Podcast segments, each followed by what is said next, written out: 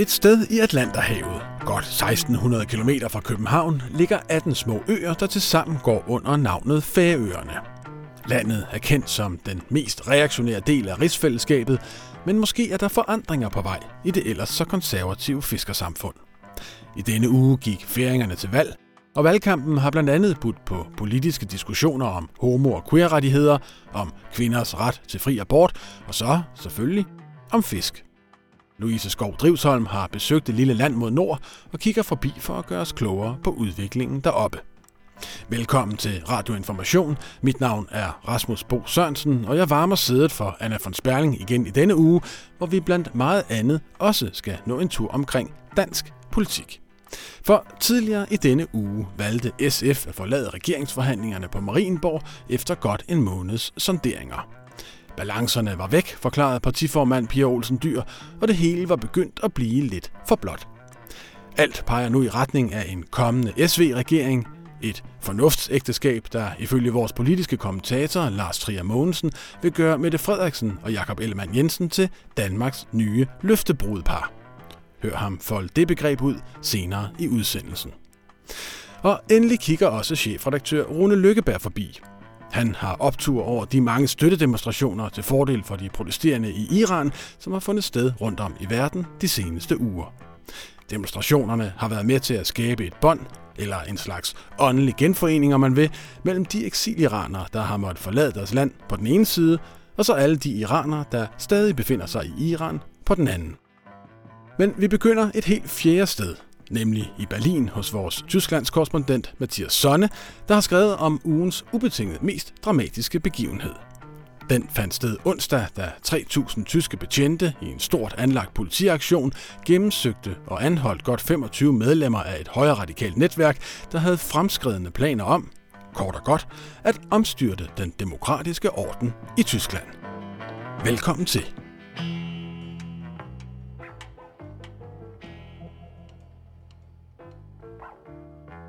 Hej Mathias. Hej Rasmus. Mathias, øh, jeg ved ikke, øh, hvilke planer du oprindeligt havde for din øh, onsdag, men jeg går ikke ud fra, at det var at sidde og skrive om en gigantisk tysk politiaktion mod et terrornetværk, der har til hensigt at begå statskup, storme forbundsdagen og tage fremtrædende politikere som gisler, og altså lige som cherry on the cake indsætte et militært styre i Tyskland. Har jeg ret i det? Ja, det har du ret meget ret i. Faktisk var min oprindelige plan for onsdagen at skrive om, at den tyske forbundsregering fylder et år, eller torsdag fyldte et år. Det kommer så i lørdagsavisen i stedet for, ja. øh, som, som lytterne jo her så kan kaste over. Men det andet plot her, det lyder jo simpelthen øh, som jeg vidste også fik skrevet i avisen, det lyder jo simpelthen som noget fra en dårlig fantasy-roman. Altså, det lyder jo ja. som et rollespil, det lyder af, af, som noget fra en anden verden. Og derfor har jeg sammen med alle mulige andre journalister i det her land jo siddet i en mærkværdig situation øh, de sidste par dage, og ikke rigtig øh, kunne finde ud af, hvad for et ben øh, skal man stå på i, i sådan en sag her. Fordi den lyder så grotesk, men samtidig jo også er alvorlig. Altså det, Ja, den er alvorlig, og den er bizar, og den er frem for alt altså meget øh, opsigtsvækkende. Kan du ikke lige sige, øh, hvad, øh, hvad vi egentlig ved her øh, torsdag eftermiddag, hvor øh, vi taler sammen? Altså om, hvad der er sket, hvem der står bag, og hvad de vil opnå? Jo, Altså, øh, til en start så er antallet af anklagede, det er, det er steget en smule, og vil sikkert også gøre det de næste dage. Øh, vi ved, at det, det er omkring 55 personer. Øh, vi ved, at knap halvdelen af dem, de sidder varetægtsfængslet her torsdag, og er simpelthen anklaget for, øh, for terror, og for at øh, have planlagt mere eller mindre konkret at skabe en omvæltning, som du skitserede før, af den tyske stat øhm, og af, af det tyske demokrati. Vi ved også omtrent, hvem i hvert fald nogen af de her figurer er, og det er der, det så begynder at blive rigtig kulørt, fordi øh, altså, der er tale om, en, om ham, den efterhånden berømte øh, prins Heinrich den 13. Øh, af den her adelsslægt Reuss, som er hmm. sådan uh, lidt en playboy-figur også. Han har været gift med en model, han har været glad for hurtige biler, og uh, har et jagtslot i, i uh, Thüringen, hvor hans, altså i østtyske Thüringen, hvor hans uh, hans adelige slægt eller familie her kommer fra. Øh, og, og han var simpelthen udset øh, til at, eller havde i hvert fald udset sig selv til at være leder af, af den her bande, og leder i øh, det nye Tyskland, altså en eller anden form for crazy statsform, som øh, skulle være en, en form for geninstallering af kejseriet i Tyskland. Øhm, så ham kender vi i hvert fald som, som en grænsekagefigur. Øh, så, så kender vi sådan en figur som øh, Birgit Malsak Winkelmann, tidligere medlem af formundsdagen for Alternative for Deutschland, som har været en meget omstridt dommer her i Berlin, og hun er selvfølgelig også helt, helt ud af vagten nu. Øh, men altså trods alt en, en jurist og, og øh, tidligere medlem af, af parlamentet i landet her. Øh, og så er der en, en lang række figurer. Der er jurister, der er en læge, øh, og så er der de helt opsigtsvækkende figurer. Og der er blandt andet Maximilian E., som ikke er navngivet med efternavn endnu. Han er et af omdrejningspunkterne, fordi han er tidligere oberst i Karaskar, altså i, øh, i de her kommando specialkræfter, som er en øh, eliteenhed under forbundshæren. Og så begynder det at være ikke så sjovt, men faktisk rimelig scary, øh, fordi vi ved, at der har været de her skandaler omkring KSK i årvis, øh, hvor der er forsvundet ammunition, der er forsvundet sprængstof, der er soldater, som er, er blevet taget med nazipamfletter osv., altså stærkt højreorienteret sindelag. Øh, og når det er den slags folk, som pludselig er inde over, og man i øvrigt stadigvæk ikke ved, hvor hverken ammunition eller sprængstof er henne, så er det øh, med meget, meget stor sandsynlighed øh, årsagen til, at det tyske politi og de tyske efterretningstjenester har valgt at trække den relativt længe, men så gå ind med et så stort raballer, altså med 3.000 øh, betjente på én gang i mindst syv forskellige, nogen siger op til 10 forskellige forbundslande, og endda også i, i Østrig og, øh, og Italien. Mm. Så mm. ja, en broet, broet affære en broget øh, skare, altså øh, den her øh, formodede terrorgruppes øh, medlemmer, som, som vi taler om, altså går under en øh, navnet Reichsbürger, altså øh, rigsborgere.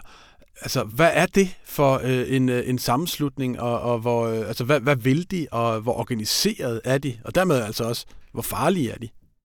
Jamen, de er ikke specielt organiseret. Øhm, Nej. De, de er øh, selvfølgelig ravne konspirationsteoretiske. De, øh, de har nogle vilde, vilde fortællinger kørende øh, om, at Tyskland ikke er en legitim stat. Øh, de har den her evige fortælling, som, som kører adskillige steder på, på den yderste tyske højrefløj. Ikke kun blandt rigsborger eller Reichsbürger, men også øh, på, på, den, på yderfløjen i AFD og i NPD osv., nemlig historien om, at øh, 2 plus 4 traktaten fra den tyske genforening slet ikke er juridisk gyldig, altså at øh, de nuværende grænser og dermed faktisk hele det nuværende Europa øh, øh, slet ikke har, har gyldighed for, øh, for borgerne som sådan. Tværtimod så er det et tegn på, at, at Tyskland bare er en underafdeling af, af øh, USA, altså et, øh, øh, Deutschland GmbH, som de gerne kalder det, et Gesellschaft med hmm. begrænset Haftung, eller et, altså et selskab med, med begrænset hæfte, et slags holdingselskab. Øh, så vores borgerrettigheder, de er en stor joke, og derfor har de selvfølgelig legitimitet til at lave deres egne øh, papirer, pas og kørekort osv., og det, jeg synes er evigt sjovt, og det synes jeg faktisk er godt, man må grine af, selvom de, de nu også er farlige, men øh, det er jo, at, at de har sådan en, en anarkistisk opfattelse af sig selv, og i virkeligheden så er de fuldstændig syge med at give hinanden titler og ordner, og øh, de vilde med hierarkier, øh, og, og på den måde har de jo en, en fascination af, af både det monarkiske, men også direkte af det fascistiske. Så altså, det er det er en virkelig, jeg vil nærmest sige, udknaldet øh, sekt, og derfor er det også svært at sige præcis, hvor mange der køber ind på det her. Det, hvis man spørger indrigsministerierne rundt i forbundslandene, øh, som de Zeit har gjort for nogle år siden, så får man ingen konkrete svar. De ved simpelthen ikke, hvor mange rigsborgere, der render rundt derude, og kommer med nogle tjusninger på omkring et par hundrede i hver af de fem østtyske delstater og langt færre i de vesttyske. Og deraf er det så også kun et fortal, som er decideret højre radikale. Øhm, for nogle er det mere en leg, for andre er det et alvorligt politisk spil. Nogle har ligefrem dannet øh, små øh, kongeriger, som det har kaldt. Der var blandt andet et, et berømt øh, rigsborger kongerige i Sachsen for nogle år siden, øh, hvor, hvor lederen han så endte med at, øh, at blive dømt for underslæb i øvrigt med, med deres egen valuta, Engelsmark, som den hed. Øh, så okay. altså, det er, øh, det, det er utrolig forskelligt selvfølgelig, hvor meget de her folk, de, de køber ind på ideologien, øh, og øh, altså om man overhovedet ser det som et netværk, eller som en idé, der spreder sig. Øh, så, så derfor er det også svært at sige, at det er et, et decideret terrornetværk, der står bag, eller en fast ideologi, men det har jo helt åbenlyst givet føde til øh, til nogle af de her topfolk, som også er, er, er i medielandskabet, og som efterretningstjenesterne jo angiveligt velvilligt har lavet nævne ved navn. Ja, så har det jo altså under alle omstændigheder givet anledning til en historisk stor øh, politiaktion med, med over 3.000 betjente øh, involveret. Altså, kan man sige noget om, hvor alvorligt man tager det her i Tyskland, altså både fra, fra politisk øh, hold og fra, og fra efterretningstjenesternes side? Ja, øh, det, det kan man roligt sige, at det bliver taget ravne alvorligt, øh, og det, det kunne man også øh, se både på udtalelserne fra, fra øh, øh, forbunds indrigsministeren og justitsministeren i går, altså som var ude at sige med det samme. Det her det virker obskurt, men vi taler om terror, vi taler om mulige væbnede angreb mod forbundsdagen, mm. øh, og vi taler om kidnapning af politikere, altså folk, som simpelthen med simple midler vil skabe kaos med det håb, at det så udarter sig til, til omvæltninger af samfundsordenen. Så fra politisk side bliver det taget ravne alvorligt, og ikke mindst fra Verfassungsschutz, altså fra den her efterretningstjeneste side. Hvis man tager dem på ordet, så er det alvorlige trusler, og så er det, øh, som, som Haldenvangen, deres, deres leder, var ude at sige her torsdag morgen, så er det fremskredende og relativt konkrete planer om terroraktioner, som vi taler om, uanset hvor skøre så de her aktører måtte være. Ja, og altså, øh, Tyskland har jo også en øh, lang og blodig historie med, med politisk vold og attentater, både øh, gennem øh, nazisternes haven i 30'erne og med, med venstreorienteret vold øh, og, og Rote Armee-fraktion øh, i, i 70'erne. Altså, vækker det her også øh, gamle spøgelser til live i Tyskland? Ja, det, det gør det helt åbenlyst. Øh, ikke så meget i forhold til Rote Armee-fraktion, men... Hmm Øh, det, det vækker jo helt klart en angst for højre radikalisme øh, til live, og det er også en af de grunde til, at det er blevet så stor en historie i Europa øh, og, og øh, formentlig i hele verden. Det her, fordi det jo piller ved det dybeste tyske traume, altså ved hets mod øh, mindretal, øh, ved, ved højre radikalisme, ved ekstremisme generelt. Øh, og der er der jo en ekstrem stor øh, forsigtighed øh, i Tyskland, øh, som gør, at det her selvfølgelig også udover at det er en så obskur historie, at, at det får øh, både stor bevågenhed fra øh, efterretningstjenester og fra politisk side her i Tyskland, men også fra medierne. Simpelthen fordi man er så opmærksom på, på mindretalsbeskyttelse og på ikke at have fløjgrupper, som går fuldstændig amok. Noget, man ikke kan lade være med at tænke, og som der også har været øh, lidt fremme om, øh, er om Rusland på en eller anden måde også har haft en øh, finger med i spillet. De kunne i hvert fald være interesseret i at skabe øh, altså social uro. Øh, hvad ved vi om det? Jamen, der, der ved vi, at prinsen her, prins Reus, han angiveligt, øh, altså han, han har en, en tysk-russisk partner, øh, og angiveligt har prøvet på at få øh, tråde til, øh, til Rusland igennem øh, generalkonsulatet i Leipzig, øh, som hvor, hvor der til synligheden ikke var bid, og vi ved, at Kreml selvfølgelig med det samme har sagt, hey, det her, det har vi ikke en hundefise med at gøre. Og jeg vil også sige, altså som statsundergravende øh, virksomhed, der skulle det undre mig, men hvad ved jeg? Øh, jeg ved ikke mere, end hvad, hvad jeg kan læse mig til i medierne, og hvad efterretningstjenesterne øh, vil, vil lade slippe ud. Så tiden vil vise, hvad, hvad, om, om der er nogen som helst tråde, men altså indtil videre så er der intet, der er bevist, og det gælder jo øvrigt også øh, øh, det her med, at der straks bliver draget paralleller til øh, Q, øh, QAnon i øh, USA, og til, til højre radikale mm. bevægelser i, uh, i USA, og selvfølgelig også til, til stormen på kongresbygningen uh, den 6. januar sidste år. det er jo også ren, altså jeg vil ikke sige spekulation, fordi der er nogle strukturelle ligheder, og derfor kan de jo godt være, være inspireret af det, og det kan være nogle af de samme bevæggrunde, der har været med til at skabe det her fænomen. Men øh, derfra at trække direkte øh, paralleller, øh, det er altså det er svært. Kan du sige lidt mere om, hvad der egentlig er deres øh, politiske mål? Altså, der har været det her øh, fremme med, at deres øh, drømmescenarie, det er øh, at genindføre Tyskland af nu 1871. Men altså, hvad er det egentlig for nogle øh, tanker, som, som er på spil her? Hvad er det for et drømmetysk rige, som de forestiller sig? Jamen, de tanker tror jeg ikke, man skal tage så alvorligt i sidste ende, fordi de er, de er så absurde, som de er. Altså dem, dem kan man selvfølgelig godt analysere og udlægge, og man kan sige, det er et, et fascistisk, eller et monarkistisk, eller et, øh, altså sætte en masse labels på, øh, hvad, de, hvad det er, de vil.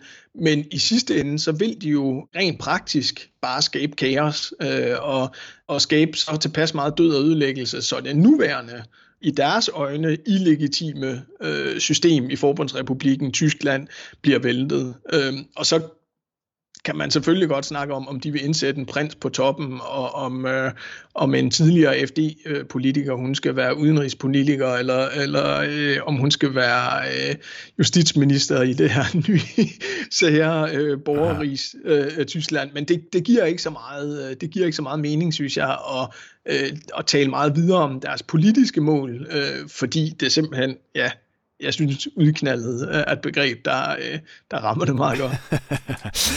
godt. Uh, Mathias, bare til sidst her. Uh, hvad sker der nu?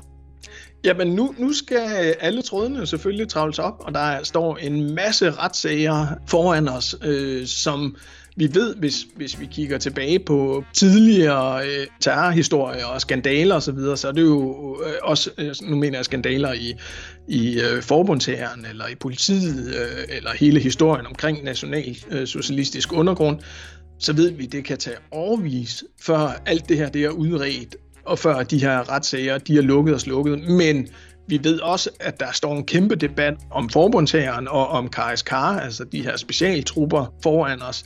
Vi ved, at det simpelthen bliver altså taget alvorligt fra nu af, at der er nogle temmelig esoteriske øh, og ligefrem politisk helt udknaldede grupper ude i de yderste yderfløje, øh, som til synligheden er farlige, og til synligheden er villige til også at gå af den væbnede vej.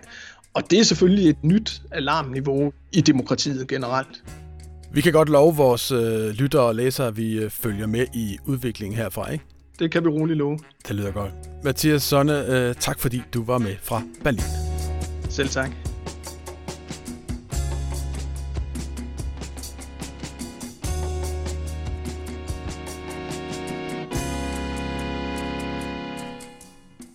En kommende dansk regering bliver uden deltagelse af SF. Partiet vil hverken sidde med i regeringen eller agere støtteparti for regeringen. Det fortalte partiformand Pia Olsen Dyr tidligere på ugen, efter at partiet ellers har siddet med i regeringsforhandlingerne på Marienborg i over en måned. Lars Trier Mogensen, velkommen til. Tak skal du have. Lars, allerførst er du øh, overrasket over, at øh, SF alligevel har måttet trække sig her i, hvad der ligner 11. time? Nej, det er jeg ikke. Altså, det er klart, at hvis man prøver at spole øh, båndet langt tilbage, så er det på den måde en overraskelse, forstået på den måde, at med det forståelsespapir, der var i den sidste regering, og særligt med den meget lojale og militært konstruktive tilgang, som SF under Pia Olsen Dyr har haft i forhold til Mette Frederiksen, der ville man måske have forventet, at der var en eller anden form for øh, belønning for netop det samarbejdsvilje, den loyalitet. Mm. Også med det her øh, nationale kompromis, der blev lavet øh, tilbage øh, efter øh, Ruslands invasion i, i Ukraine, hvor SF jo trådte med ind i en øh, forsvarsforligskreds, hvor man lægger op til ret massive øh, stigninger i militærbudgettet. Så, så, så Pia Olsen Dyr har på en eller anden måde, både i, i den sidste regeringsperiode, men også i opspillet til valget i virkeligheden, bragt sig en position, hvor man kunne have forventet, at hun ville blive belønnet, og at man også fra Mette Frederiksens side ville være villig til ligesom at både give indrømmelser og muligvis altså helt at trække ind i regeringen. Så på den måde kan man sige, at det lidt lange perspektiv, ja, der synes jeg, det er en overraskelse, at, øh, at SF nu ligesom er blevet skubbet helt ud på, øh, på, på sideperronen. Men det er klart, at det et forløb, der har været i de sidste par uger, og hvor det med stadig mere tydelig øh, karakter har stået klart, at Mette Frederiksen rent faktisk prioriterer en SV-regering, altså en regering mellem Socialdemokratiet og Venstre, ja, der har det, synes jeg, været ret oplagt, at SF ikke vil få ministerposter. Ja, og øh, altså, Pia Olsen Dyr har selv øh, givet som forklaring, at det blev for blot. Altså, hvad er det øh, især, der har øh, skræmt hende og, øh, og SF væk, tror du? Ja, men altså, jeg tror helt grundlæggende, at øh, SF og mange andre også måske er blevet lidt overrasket over, at Mette Frederiksen rent faktisk mente det, da hun mm. i valgkampen og ved valgudskrivelsen sagde, at hun ville danne en midterregering. Og det er klart, at det er jo en, en, et kursskifte øh, fra det forståelsespapir, der var en tidligere regering. Og det Mette Frederiksen tydeligvis mener med det, ja, det er, at hun gerne vil have mandat til at kunne træffe nogle beslutninger om nogle reformer, nogle økonomiske reformer. Også nogle reformer, der skal skaffe mere arbejdsudbud, mm-hmm. som i virkeligheden er meget den type reformer, som blev ført under Helle Thorning, under Bjarne Korydon. Noget af det, Mette Frederiksen i virkeligheden har bygget i sit eget personlige og politiske projekt om i virkeligheden at sparke fra ja. på, distancere sig fra, jamen det er i virkeligheden det, hun ser ud til nu at vende tilbage til. Og det er klart, at det er noget, som øh, SF, både dengang under Helle Thorning, hvor de jo faktisk var med i regeringen, havde det meget svært ved, og stadig har det svært ved. Og det er klart, at, at der har øh, SF håbet på, at når Mette Frederiksen rent faktisk sagde, da hun blev formand i 2015, at, øh, at nu var det ligesom en, en ny kurs. Der har været meget snak om de her anden generations reformer som Mette Frederiksen ligesom har ført frem som, som, som noget, der ikke kun var øh, nedskæringer og besparelser, men var en mere intelligent måde, kan man sige, ligesom at, at, at, at få samfundsøkonomien til at vokse.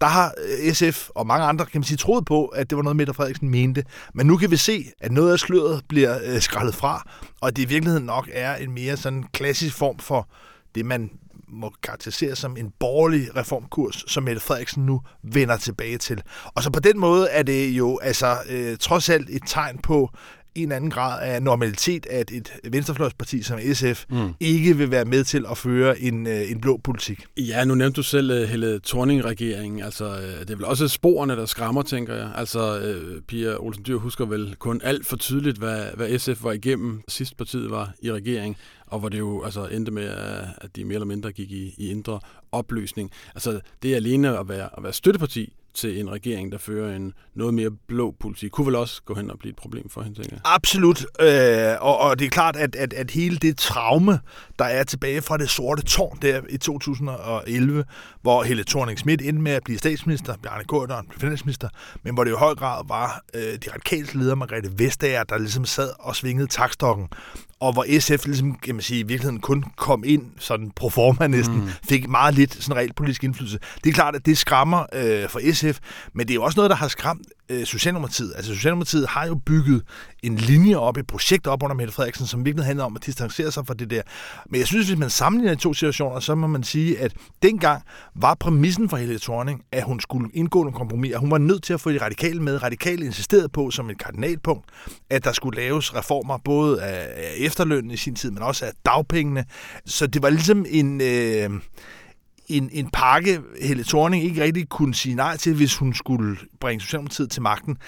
I dag er det altså lidt anderledes. Mette Frederiksen havde jo et andet flertal, et rødgrønt flertal, om man vil, øh, med lige præcis 90 mandater. Det kan godt være, at det er skrøbeligt, men det er der dog. Så når Mette Frederiksen nu vælger at skrotte både SF og de andre partier fra forståelsespapiret og rykke over mod Venstre, så er det, vil jeg sige, i højere grad et politisk valg, end det var i sin tid for Helle Thorning. Altså, Helle Thorning altså nu, dengang var der meget snak om nødvendighedspolitik, mm. men det var på en eller anden måde et, et nødvendigt kompromis, hun var nødt til at lave for at få magten.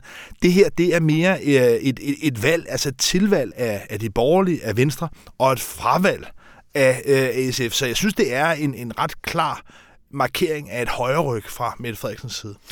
Og hvad, altså, hvad kommer det så til at betyde for Mette Frederiksen, at, øh, at SF øh, ikke kommer til at være med hverken som støtteparti eller øh, med i en øh, eventuel regering? Det bidre for SF er, at det nok vil være en fordel for Mette Frederiksen. Forstået på den måde, at en SV-regering, som det tegner til, vil kunne have et parlamentarisk flertal alene sammen med Moderaterne, altså Lars Lykkes øh, parti. Og jeg tror, det er de tre partier, altså Socialdemokratiet, Venstre og Moderaterne, som man skal se udgør ligesom øh, aksen, kernen i, i den regering. Og hvor SF, ja, deres mandater vil så kun i meget sjældne tilfælde, altså kun i det tilfælde, hvor en SV-regering ikke kan blive enig med Lars Lykke, vil SF så kunne blive bragt i spil. Men, men over for det, hvad der være andre flertalsmuligheder, for eksempel konservative, radikale, der, der kan man sige, der er altså en, faktisk en myriade af forskellige regeringskonstellationer for en SV-regering, hvor SF kun meget tvivlsomt og meget sjældent, kan man sige, vil, vil blive bragt til spil. Så, så, så realiteten er, at for Mette Frederiksen er det sådan set et, øh, et frihedsbrev, at hun ikke nu længere behøver at tage så meget hensyn øh, til, til, til SF. Og på den måde er det jo, synes jeg, en meget klar markering af, at, øh, at, at midterpunktet i dansk politik, er, altså midterstolper, når man vil, er blevet rykket ret langt til højre, og at den regering, Mette Frederiksen, ligger op til nu og vil stå i spidsen for, sådan set, altså, synes jeg, må karakterisere samlet set som noget, der er mere blot, end det hele Thorning i sin tid øh, stod i spidsen for. Du har selv øh, skrevet, øh, at Jakob Ellemann Jensen og øh, Mette Frederiksen risikerer at blive sådan et nyt løftebrudet i dansk politik. Hvad er det for en risiko, de løber ved at, at gå sammen, de to partier? Jamen, i virkeligheden kan det jo være det her nye løftebrudpar. Ja, det er øh, at de altså i virkeligheden øh, hjælper hinanden ved, at de faktisk kan stå med lige store troværdighedsproblemer, lige store forklaringsproblemer, og det på en eller anden altså sådan mærkelig øh, politisk måde udligner hinanden lidt. Øh, at det er faktisk det, der gør, at de øh, kan lave det her fornuftægteskab. Altså, at de får lige store problemer med hver deres familie, vil nu bare lige mm. blive det billede. Mm. Altså, for, for Jacob Ellemann er det jo ret indlysende, at han har ført en valgkamp på, at han ikke stolede på Mette Frederiksen, og han har aldrig nogensinde ville komme til at, øh, at bringe hende til magten. Det er klart, at øh, det er et, et helt åbenlyst løftebrud. Det har han også allerede været ude nu, sådan, og forventningsafstemme mm-hmm. i et stort interview øh, med TV2 News, hvor han siger, ja, selvfølgelig er det et løftebrud, og det, det er det indlysende. Hun Mette Frederiksen kommer i allerhøjeste grad også til at begå løftebrud på en lang række politiske områder. Øh, og der er det, at øh, som det tegner nu, det man hører, det jeg hører, øh, andre også hører, det er, at Socialdemokratiet har vist sig villige til virkeligheden at gøre nogle af de samme ting, man gjorde under Korten og, og Torning, som var at hæve grænsen for topskat, det vil sige i virkeligheden at lave en topskattelettelse, men også at sænke selskabsskatten, altså mm. det mhm. vil sige give bedre vilkår for øh, virksomhederne, i hvert fald beskatte øh, virksomheders overskud øh, mindre, og ydermere også som jeg hørte i hvert fald, øh, lave SU-reform, altså eksempelvis som den reformkommission, der kom med, professor Nina Schmidt i spidsen, havde anbefalet, eksempelvis at omlægge det sidste SU-år øh, på kandidatuddannelsen til lån, frem for som en øh, altså et stipendium eller som ydelse, mm. men, men, men måske også øh, på andre områder, eksempelvis gennem, øh, genindføre et kontanthjælpsloft, det vil sige altså markant stramme øh, vilkårene for nogle af de fattigste, også fattigste børnefamilier. Så der er på en eller anden måde på en lang række af de områder, hvor Socialdemokratiet har skiftet kurs, hvor Mette Frederiksen har overbevist altså jo både sit eget bagland, øh, vælgerne, men jo også de støttepartier, der hidtil har været om, at man netop ikke vil gå tilbage til de her første generationsreformer, og det er dem, der vender tilbage. Så Mette Frederiksens fortælling, fortælling om, at hun ligesom er den ægte socialdemokrat, den, der ligesom formår både at øh, være ansvarlig, men også at være retfærdig. Altså finder den her, kan man sige, mm. grundsocialdemokratiske balance, at det projekt, den fortælling, at den ser også ud til at ville krakelere. Og det kan altså give Mette Frederiksen på den ene side nogle store troværdighedsproblemer. Det, jeg tror, hun satser på, og det, der også har sandsynligheden for sig, det er, at der er øh, en meget, meget stor vælgergruppe, som ligger inde omkring midten. Og det er klart, at hvis det lykkes for Socialdemokratiet at cementere sig som det egentlige, reelle midterparti, både i den økonomiske politik, i øh, udlændingepolitikken, i alle de forskellige øh, politikområder, der nogle gange er, at Socialdemokratiet ligesom placerer sig tungt og øh, hårdt øh, i, i midten, og, og er villig til ligesom, at gå på kompromis i virkeligheden med alt, men ud fra den her sådan pragmatiske tilgang, øh, ja, så kan der godt være den effekt, at Socialdemokratiet, det har man faktisk allerede set tendenser til, måske kan stige meningsmålingerne, altså at vidderligt kan gør, øh, gå, gå på strandhugst, på landvindinger, ind i det borgerlige Danmark og vinde nogle af de vælgere, der simpelthen har stemt på Lars Løkke, tidligere på Dansk Folkeparti. Og det er klart, at hvis det lykkes for Mette Frederiksen i en situation, hvor hun måske er i en shitstorm, hvor hun er for første gang virkelig også med et tryk fra baglandet, men hvis hun så samtidig kan formå at løfte tilslutningen til Socialdemokratiet, genvinde magten og jo selvfølgelig også symbolsk øh, gennemføre nogle andre ting, som måske har en mere sådan socialdemokratisk karakter, jamen så tror jeg egentlig samlet set, at det kan lykkes for Mette Frederiksen i virkeligheden at befeste sin styrkeposition i dansk politik. Øh, Lars, her til sidst. Vi sidder her og taler sammen øh, torsdag. Altså, hvornår har vi en øh, ny regering, og hvilke partier kommer den til at rumme? Altså, for det første er der ikke rigtig nogen bagkant. Altså, det der ligesom oprindeligt, da man gik i gang, der havde man en finanslov, som man skulle almindeligvis have vedtaget inden øh, altså årsskiftet. Det har man allerede udskudt, så der er ikke noget, der gør, at der ligesom er et tidspres, hvor man kan sige, om det ligesom skal være en uge, eller det skal være inden jul. Øh, jeg tror, at det stadigvæk kommer til at tage lidt tid, fordi at øh, nu efter, at Jakob Ellemann har været ude og lave den her forventningsafstemning, altså ligesom erkende, at det vil være et løftebrud, men også ligesom øh, begynde nu politisk at komme med nogle krav i offentligheden, der tror jeg også, at Socialdemokratiet og Mette Frederiksens folk vil være nødt til at øh, altså det de selv i sådan noget moderne kommunikationssprog kalder framing, altså ligesom at lave en rammefortælling, som sådan gradvist øh, foldes ud i offentligheden, så folk er forberedt på, ja. hvad der, er, der kommer. Så, så jeg tror, at man godt kan forvente, at der ligesom, øh, lige så snart, at der vil være for eksempel en Vammen eller en Morten Bødskov, nogle af dem, der måske lige er, øh, måske med i forhandlingerne, men lige angivet, når de begynder ligesom at øh, komme ud med sådan nogle bekendelsesinterview, øh, som vi så Jacob Ellemann, så tror jeg godt, man kan begynde at forvente, at det nærmer sig. Men det har vi ikke været endnu, så jeg vil sige, at det vil overraske mig meget, hvis øh, man ikke kan komme til at høre øh, radioinformation en gang mere, før der bliver dannet en regering, og jeg tror, det ender med at blive en ren SV-regering. Sådan der. Nu er svisken på disken. tak fordi du kom, Lars Trier Selv tak.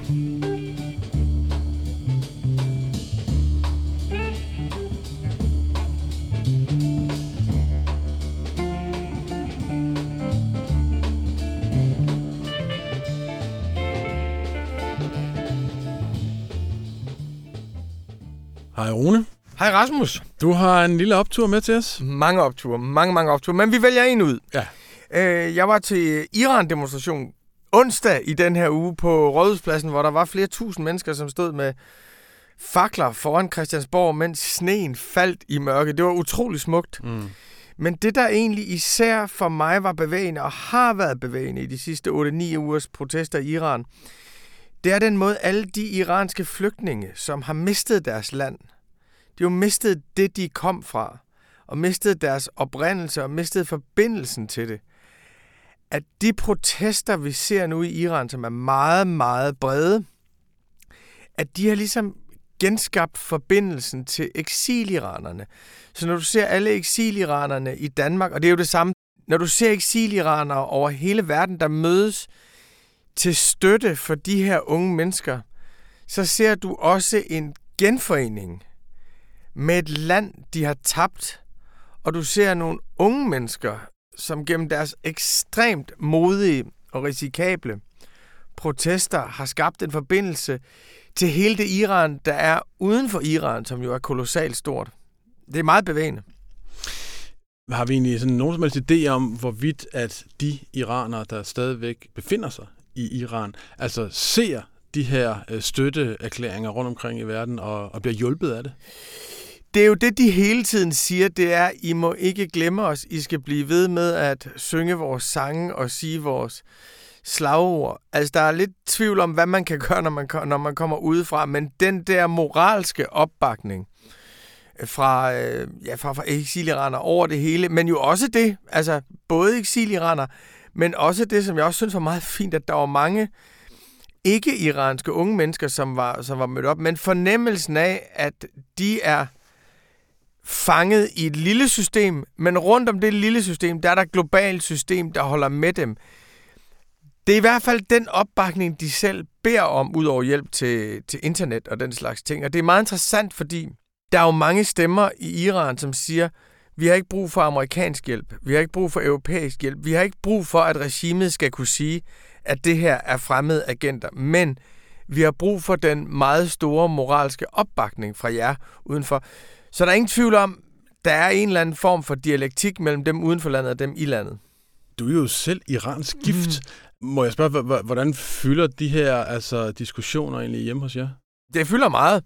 Det er klart, det, det, det, det, fylder meget, og jeg har to børn, som er, som er halviraner, som er med til demonstrationer og sådan noget. Altså, det, det, er, det er noget, som fylder enormt meget, og det har jo gjort det altid, men på forskellige måder. Jeg kan huske, da vi var til VM i øhm, Brasilien i 2014, der så vi Iran spille mod Bosnien.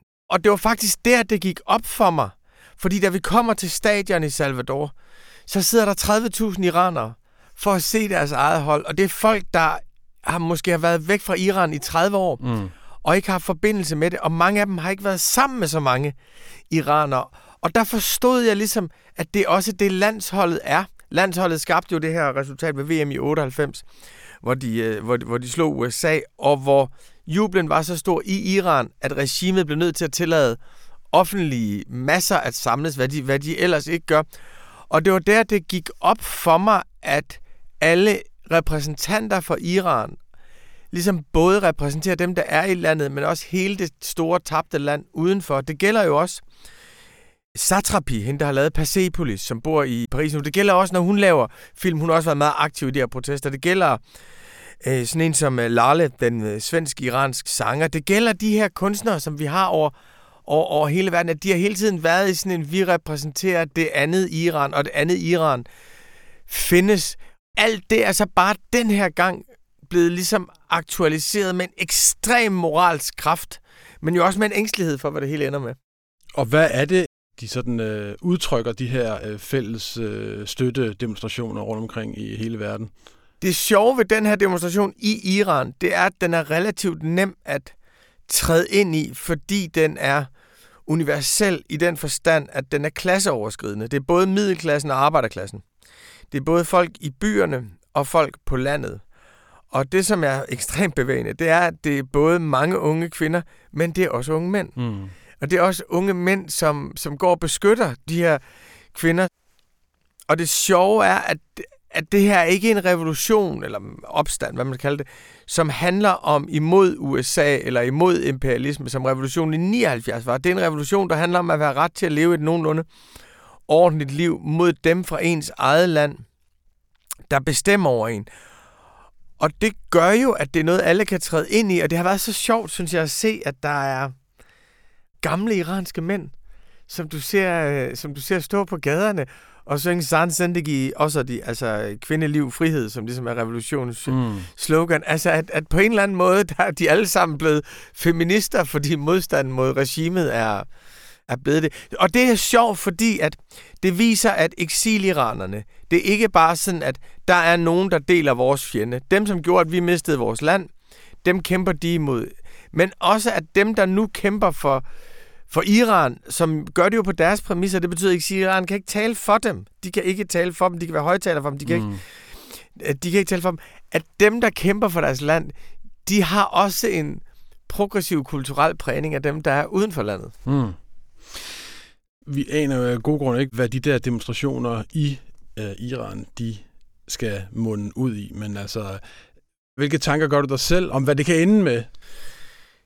Der er ligesom to tankegange, og den ene er, at alle revolutioner i Mellemøsten siden den iranske revolution i 1979 er slået fejl. Mm. Og den, der vandt det arabiske forår, det var Assad i Syrien. Og Ali Khamenei, den religiøse leder i Iran, øverste, the supreme leader, han har, der er to ting, han har lært noget af. Den ene er, at Shahen begyndte at undskylde over for masserne, da der var opstand i 78. Han var ude og sige, jeg forstår jeres grievances, jeg forstår jeres lidelse, og han blev fuldstændig smadret. Mm. Den anden er, at den leder, som vandt det arabiske forår, Assad, det var ham, som ikke på noget tidspunkt gav sig, og som ikke vil tilbage for at bruge hmm. vold, og som ikke vaklede på noget som helst tidspunkt. Og det er ligesom Khamenei's mindset for, for hvad vi ved om det, øh, fordi det, det er jo utilgængeligt for Så det er, ligesom, det er regimets logik. Den mm. er, vi giver os ikke. Nej. Og hvis du ser hen af det scenario, så er det klart, at så kommer der, øh, så, så kommer der nogle ekstremt blodige konfrontationer, som allerede de har haft den første offentlige henrettelse her i den her uge, som allerede er i gang. Men så er der også et andet, så der er en anden tankegang, som man er nødt til at holde op samtidig med. Og den er, at, at alle store forandringer i historien er kommet uventet. Mm. Omvæltninger er aldrig forudsete. Det, der kendetegner en omvæltning, det er jo, at den bryder med den dominerende logik. Og der kan du sige, fordi den her bevægelse er så bredt forankret, og fordi det er så åbenlyst, at regimet er lidt paf over for den, så kan det godt være, at det her kan ende et sted. Hvis man ser på det, vi ved, så ender det frygteligt. Øh, nogen siger, at det bedste, man kan håbe på, det er et militærdiktatur, hvor de skræller islamismen af. Men hvis du så ser på, at det her har hele tiden været uforudset, og uforudsigeligt, så kan du sige, måske er vi i et nyt land, hvor den logik ikke gælder. Måske. Vi har jo lov at håbe. Vi har lov at håbe, og bare det, at vi har et håb, det er kæmpe optur. Det er kæmpe optur. Og måske skal vi lige tilføje en servicemeddelelse. Ja, lad os. Fordi øh, her på Dagbladet Information, der har vi jo faktisk et øh, arrangement på tirsdag Det har vi. i kantinen, hvor øh, Poya Paksat og Misha Sand, som begge har deres relation til, til Iran, de kommer ind og taler med mig tirsdag kl. 17 her inde i Informationskantine, hvor vi taler om alt det her. Hvad er det for en type opstand, vi ser? Er det en revolution, og hvad er deres endgame? Så skynd jer øh, ind på information.dk butikken, hvis I vil nå at have billetter, for jeg er sikker på, at de bliver reddet væk. Perfekt. Var det ikke meget godt lige få det med? Det var rigtig godt lige at få det med. Fedt, fedt, fedt, fedt. fedt. I november i år blev formanden for det kristne parti på Færøerne, Jenis Avrana, fyret for sin ministerpost, fordi han havde nægtet at gennemføre en lov om flere rettigheder til medmødre. Og fordi han havde sagt, at han aldrig ville kunne pege på Søren Pape Poulsen som statsminister i Danmark, fordi den konservative formand er homoseksuel. Fyringen betød, at han selv trak sin støtte til regeringen, som derfor endte i mindretal, og det er grunden til, at færingerne i denne uge har været ved valgurnerne for at sammensætte et nyt lavting. Louise Skov Drivsholm, velkommen til. Mange tak. Du har netop i øvrigt sammen med vores øh, fotograf øh, Sigrid Nygaard været på Færøerne for at beskrive øh, udviklingen derop. Og allerførst og helt kort, altså er den her konflikt, som jo har udløst valget, er den øh, typisk for det politiske klima på Færøerne i de her år? Ja, altså det er ikke fordi, at øh, homoseksuelles rettigheder er noget, der sådan er det dominerende tema i den valgkamp, der er foregået derop. Det er sådan nogle klassiske ting som inflationsproblemer og, og økonomi osv. Og Men hele den her øh, splittelse i forhold til, hvor langt man skal gå for noget, vi jo i Danmark anser for helt basale rettigheder. Rettigheden til at gifte sig med en af samme køn, rettigheden til at få en abort, rettigheden til, at medmødre har samme forhold som fædre de her spørgsmål øh, fylder meget. Der sker rigtig meget øh, politisk på de her områder på Færøerne i de her år, men der er også en, en konservativ modstand mod den udvikling, som jo blandt andet øh, Jenny Savrana præsenterer. Og det skal vi snakke øh, meget mere om øh, lige om lidt. Men først skal vi måske lige komme med en lille øh, varedeklaration, for mens vi sidder og optager det her, så er det øh, jo valgdag på Færøerne. Og det betyder, at vi to faktisk ikke kender valgresultatet. Men det gør måske heller ikke så meget, fordi vi skal slet ikke øh, sådan, tale om mandatfordeling eller øh, muligheder for regeringsdannelse og den slags. Vi skal snakke om de store linjer, som præger udviklingen på Færøerne. Og øh, der er især et spørgsmål, hvor meningerne brydes, og det er, som du også lige var inde på, altså spørgsmål om rettigheder. Både homoseksuelles øh, rettigheder og kvinders ret til fri abort. Hvor og hvordan ser man de øh, spørgsmål blive diskuteret, når man rejser rundt på færøerne, som I jo har gjort? Ja, altså det, jeg synes er så interessant ved Færøerne, som jeg skal være ærlig at sige, min forhåndsviden omkring, før vi tog afsted, var, var ekstremt begrænset. Sådan tror jeg, mange danskere desværre har det. Mm. Øhm, det er, at det er jo et ret lille land, der er 18 øer, men øh, når, man, når man måler op i befolkninger på kvadratkilometer, så er det altså markant mindre end Danmark. Der bor kun omkring 50.000 mennesker.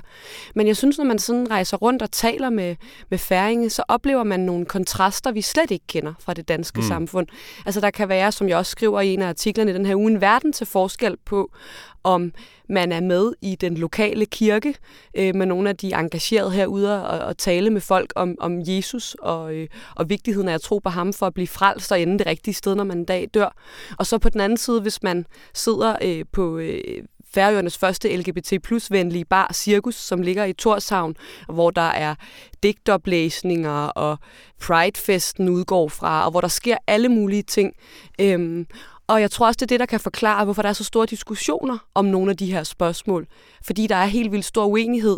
Der er en stor øh, religiøs funderet del af befolkningen, der er rigtig bange for de her forandringer, fordi man forlader sådan det bibelske kristne grundlag, som de mener, man bør leve efter. Og så er der en masse unge, progressive mennesker, der skriger på forandring, hvis de skal fortsat kunne se sig selv i det her øh, færøske samfund. Ja, og nu nævnte du lige sådan øh, to steder, for du har blandt andet besøgt øh, en øh, lokal frikirke derop, og så har du været i sådan homo- og queer-miljøet i, øh, i Torshavn. Altså, øh, hvem er det, du har besøgt der, og, og hvordan ser man sådan de, øh, de politiske forskelle tegnet op i henholdsvis det ene og det andet miljø? Ja, altså sammen med fotografen Side Nygaard, der som du også nævnte, der var jeg en aften med nogle af de mest engagerede i den frikirke, der hedder Bethesda, som ligger i øh, Færøens næststørste by, Klaksvik, som er sådan en del af det færøske bibelbælte, kan man mm. nok godt sige. Øhm, det er en baptistkirke, det vil sige, de har øh, voksendåb, og har også øh, Jesus fylder rigtig meget, forkyndelse evangeliet fylder rigtig meget. Så de går ligesom, ligesom Jehovas vidner, at de er ude og tale med folk om, hvorvidt de tror på Jesus, og ligesom prøver at, få dem ind i, i troen i frygten for, at de ellers vil ende i helvede, når de en dag dør. Øhm, og dem var vi ude, og, og de kalder det selv evangelisere øh, mm-hmm. med. Og, og jeg forsøgte jo også at tale med nogle af de her medlemmer af Bethesda-kirken om øh, LGBT og abortspørgsmålet med en utrolig sød og gæstfri mand, der hedder John Færø, også et meget fint navn, oh, ja. når man bor på Færøerne. Ja. Øhm, og det var ikke et spørgsmål, han var så glad for at tale om. Altså, det er helt tydeligt, at han er pro-life, som han selv siger, og fik også nævnt homoseksualitet som en synd på niveau med at stjæle eller mobbe eller andre ting, vi nok mere kollektivt er enige om, er en dårlig ting. Men han er ærget over, at når religion og kirkens rolle kommer til debat på færøen, at det hurtigt kommer til at handle om de her rettighedsspørgsmål. Han, han synes, det bør handle om Jesus. Mm. Men der er en grund til det, fordi det er jo øh, blandt andet det kristne parti, du, du, du selv nævnte, og ligesom de kirkelige miljøer, der er årsagen til, kan man vist godt lidt for simpelt sige, at der for, eksempel stadig ikke er fri abort på Færøerne. Så dem, dem taler vi med på den ene side.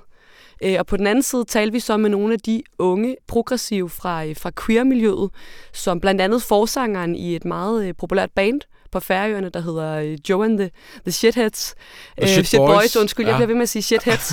Joe and the Shit Boys. Øhm, som han er, han er selv vokset op i et religiøst miljø, men, men er ikke troende, og hans forældre tog egentlig ret godt imod, at han er biseksuel, og nu synger han om homofobi og veganisme og, og klimaforandringer og så videre. Og viser jo en, øh, den opbakning, øh, der er til ham i Torshavn og hans venner og det, alle dem, der kom den aften, han læste digte op på, på den her LGBT plus bar øh, Cirkus, som, øh, som jeg også nævnte, viser jo, at der er også et kæmpe miljø omkring det her, og en stor accept, og der er jo også en masse rettigheder, der faktisk er blevet stemt igennem de seneste, det senere årti. Så det er helt vildt, at man i et så lille samfund på så få dage kan opleve så store kontraster, synes jeg. Ja, og, og en, af, en af de andre store øh, kontraster, eller i hvert fald et af de andre områder, hvor øh, meningerne brydes, det er jo så på spørgsmål om fri abort. Øh, valget her er også blevet kaldt øh, et abortvalg, i hvert fald af nogen, og det er jo virkelig også noget, der, der deler øh, vandene. Hvordan, øh, hvordan ser øh, abortlovgivningen egentlig ud på, øh, på Færøerne i dag? Altså hvilke muligheder har man som kvinde for at vælge en graviditet fra? Altså, Færøerne har faktisk mere eller mindre kopieret den danske abortlovgivning fra 1956, og har så ikke rigtig gjort noget ved den siden. Så den er jo objektivt set gammel, og mange vil nok også mene forældet. Øh, hvis man som kvinde på Færøerne i dag står med en uønsket graviditet, så øh, hvis der er tale om en incest eller overgreb, mm. og det er noget, der har været igennem retssystemet, så har man ret til en abort.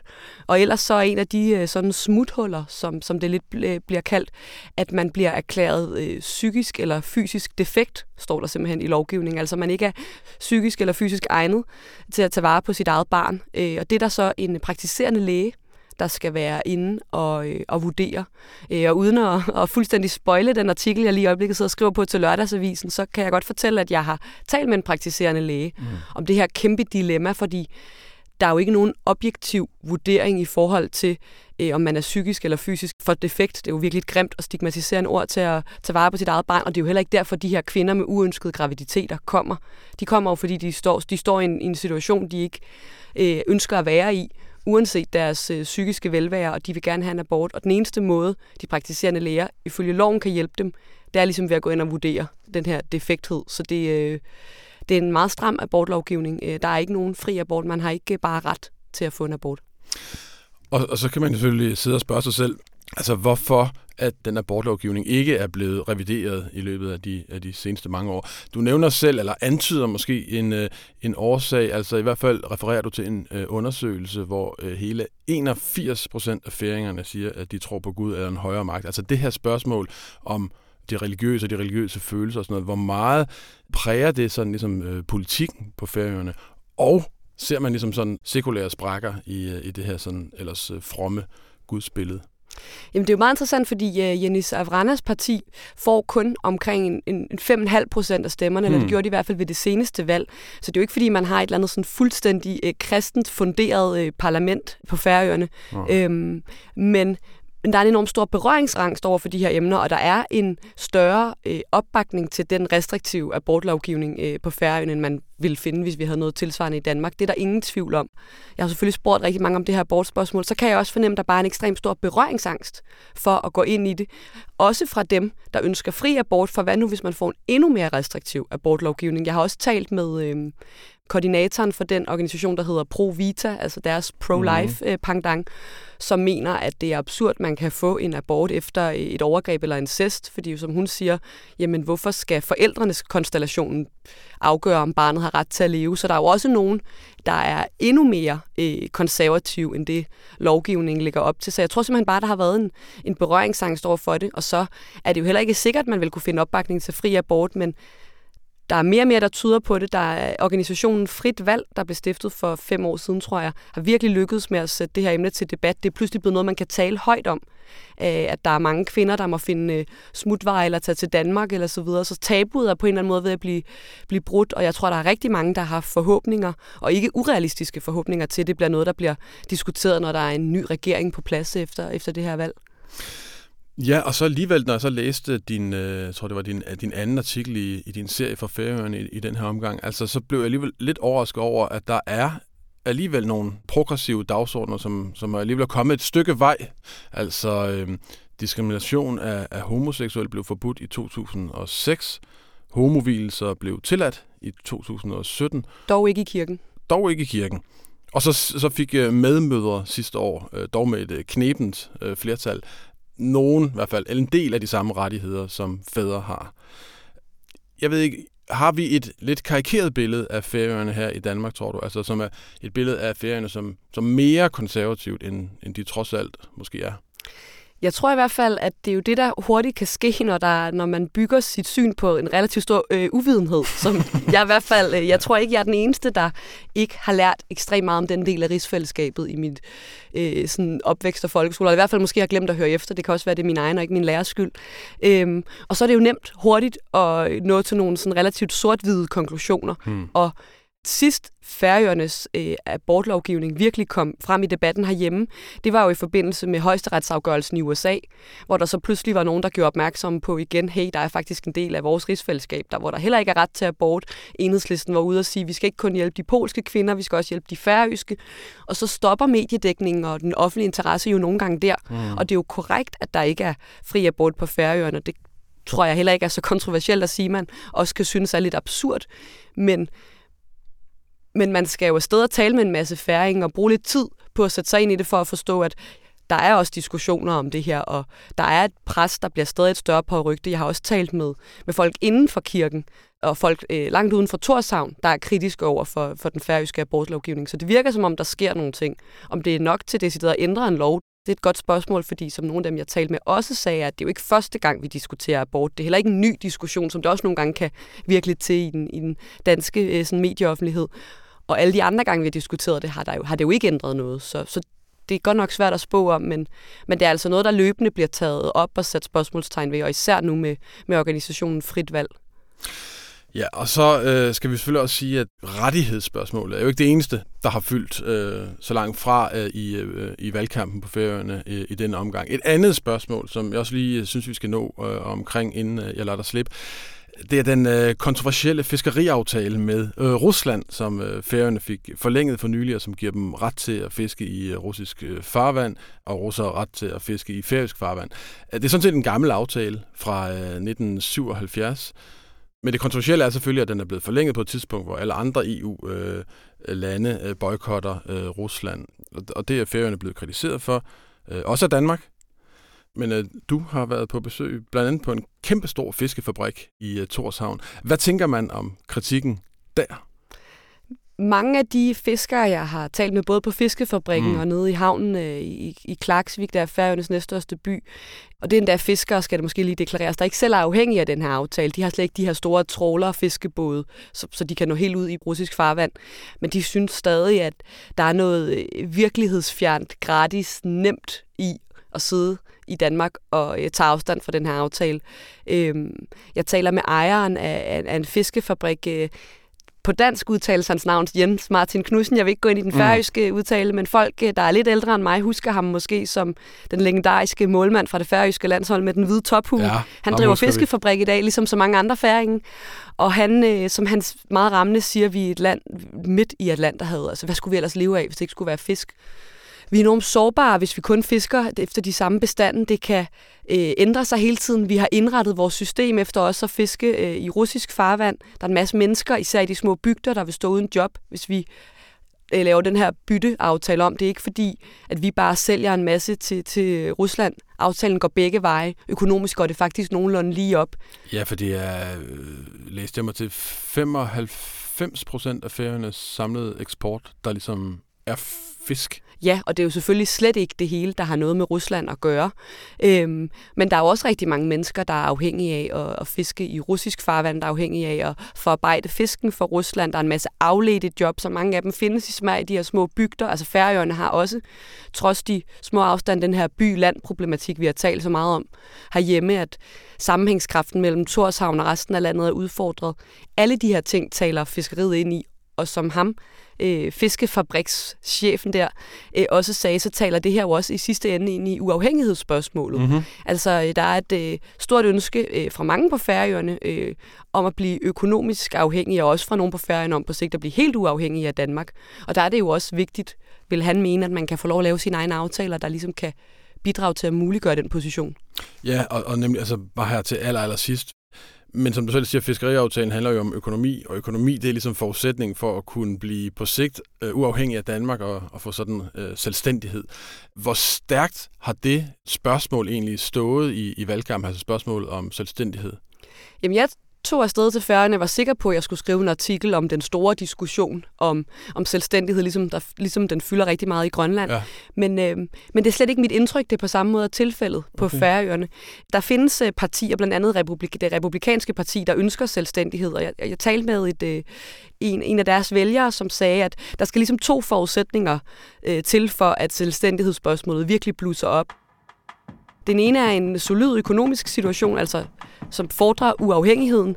Der er man lige nu i Færøerne, men så skal der også gerne være en eller anden stor konflikt med Danmark, der gør, at man bliver trætte af moderlandet, eller hvad man skal kalde det i rigsfællesskabet, for, og derfor sådan, ser det akutte behov i, i løsrivelse. Og det er der ikke rigtigt i øjeblikket, og derfor så, så, så lyder det ikke, som om det presser sig på. Altså Færøerne står jo også over for prisstigninger, energikrise og, og alle de her globale spørgsmål, så, ja. så der er rigeligt andet. Godt, vi må se, hvordan øh, det går. Når det her det bliver øh, sendt, så har vi i hvert fald et valgresultat på Færøerne, og øh, det kan man så gå ind og læse om på vores øh, hjemmeside, hvor man også lørdag kan glæde sig til den sidste artikel. Næst sidste, din, næst sidste artikel i din serie, som handler om abort. Louise Skov Trisson, tak fordi du kiggede forbi. Selv tak, Rasmus.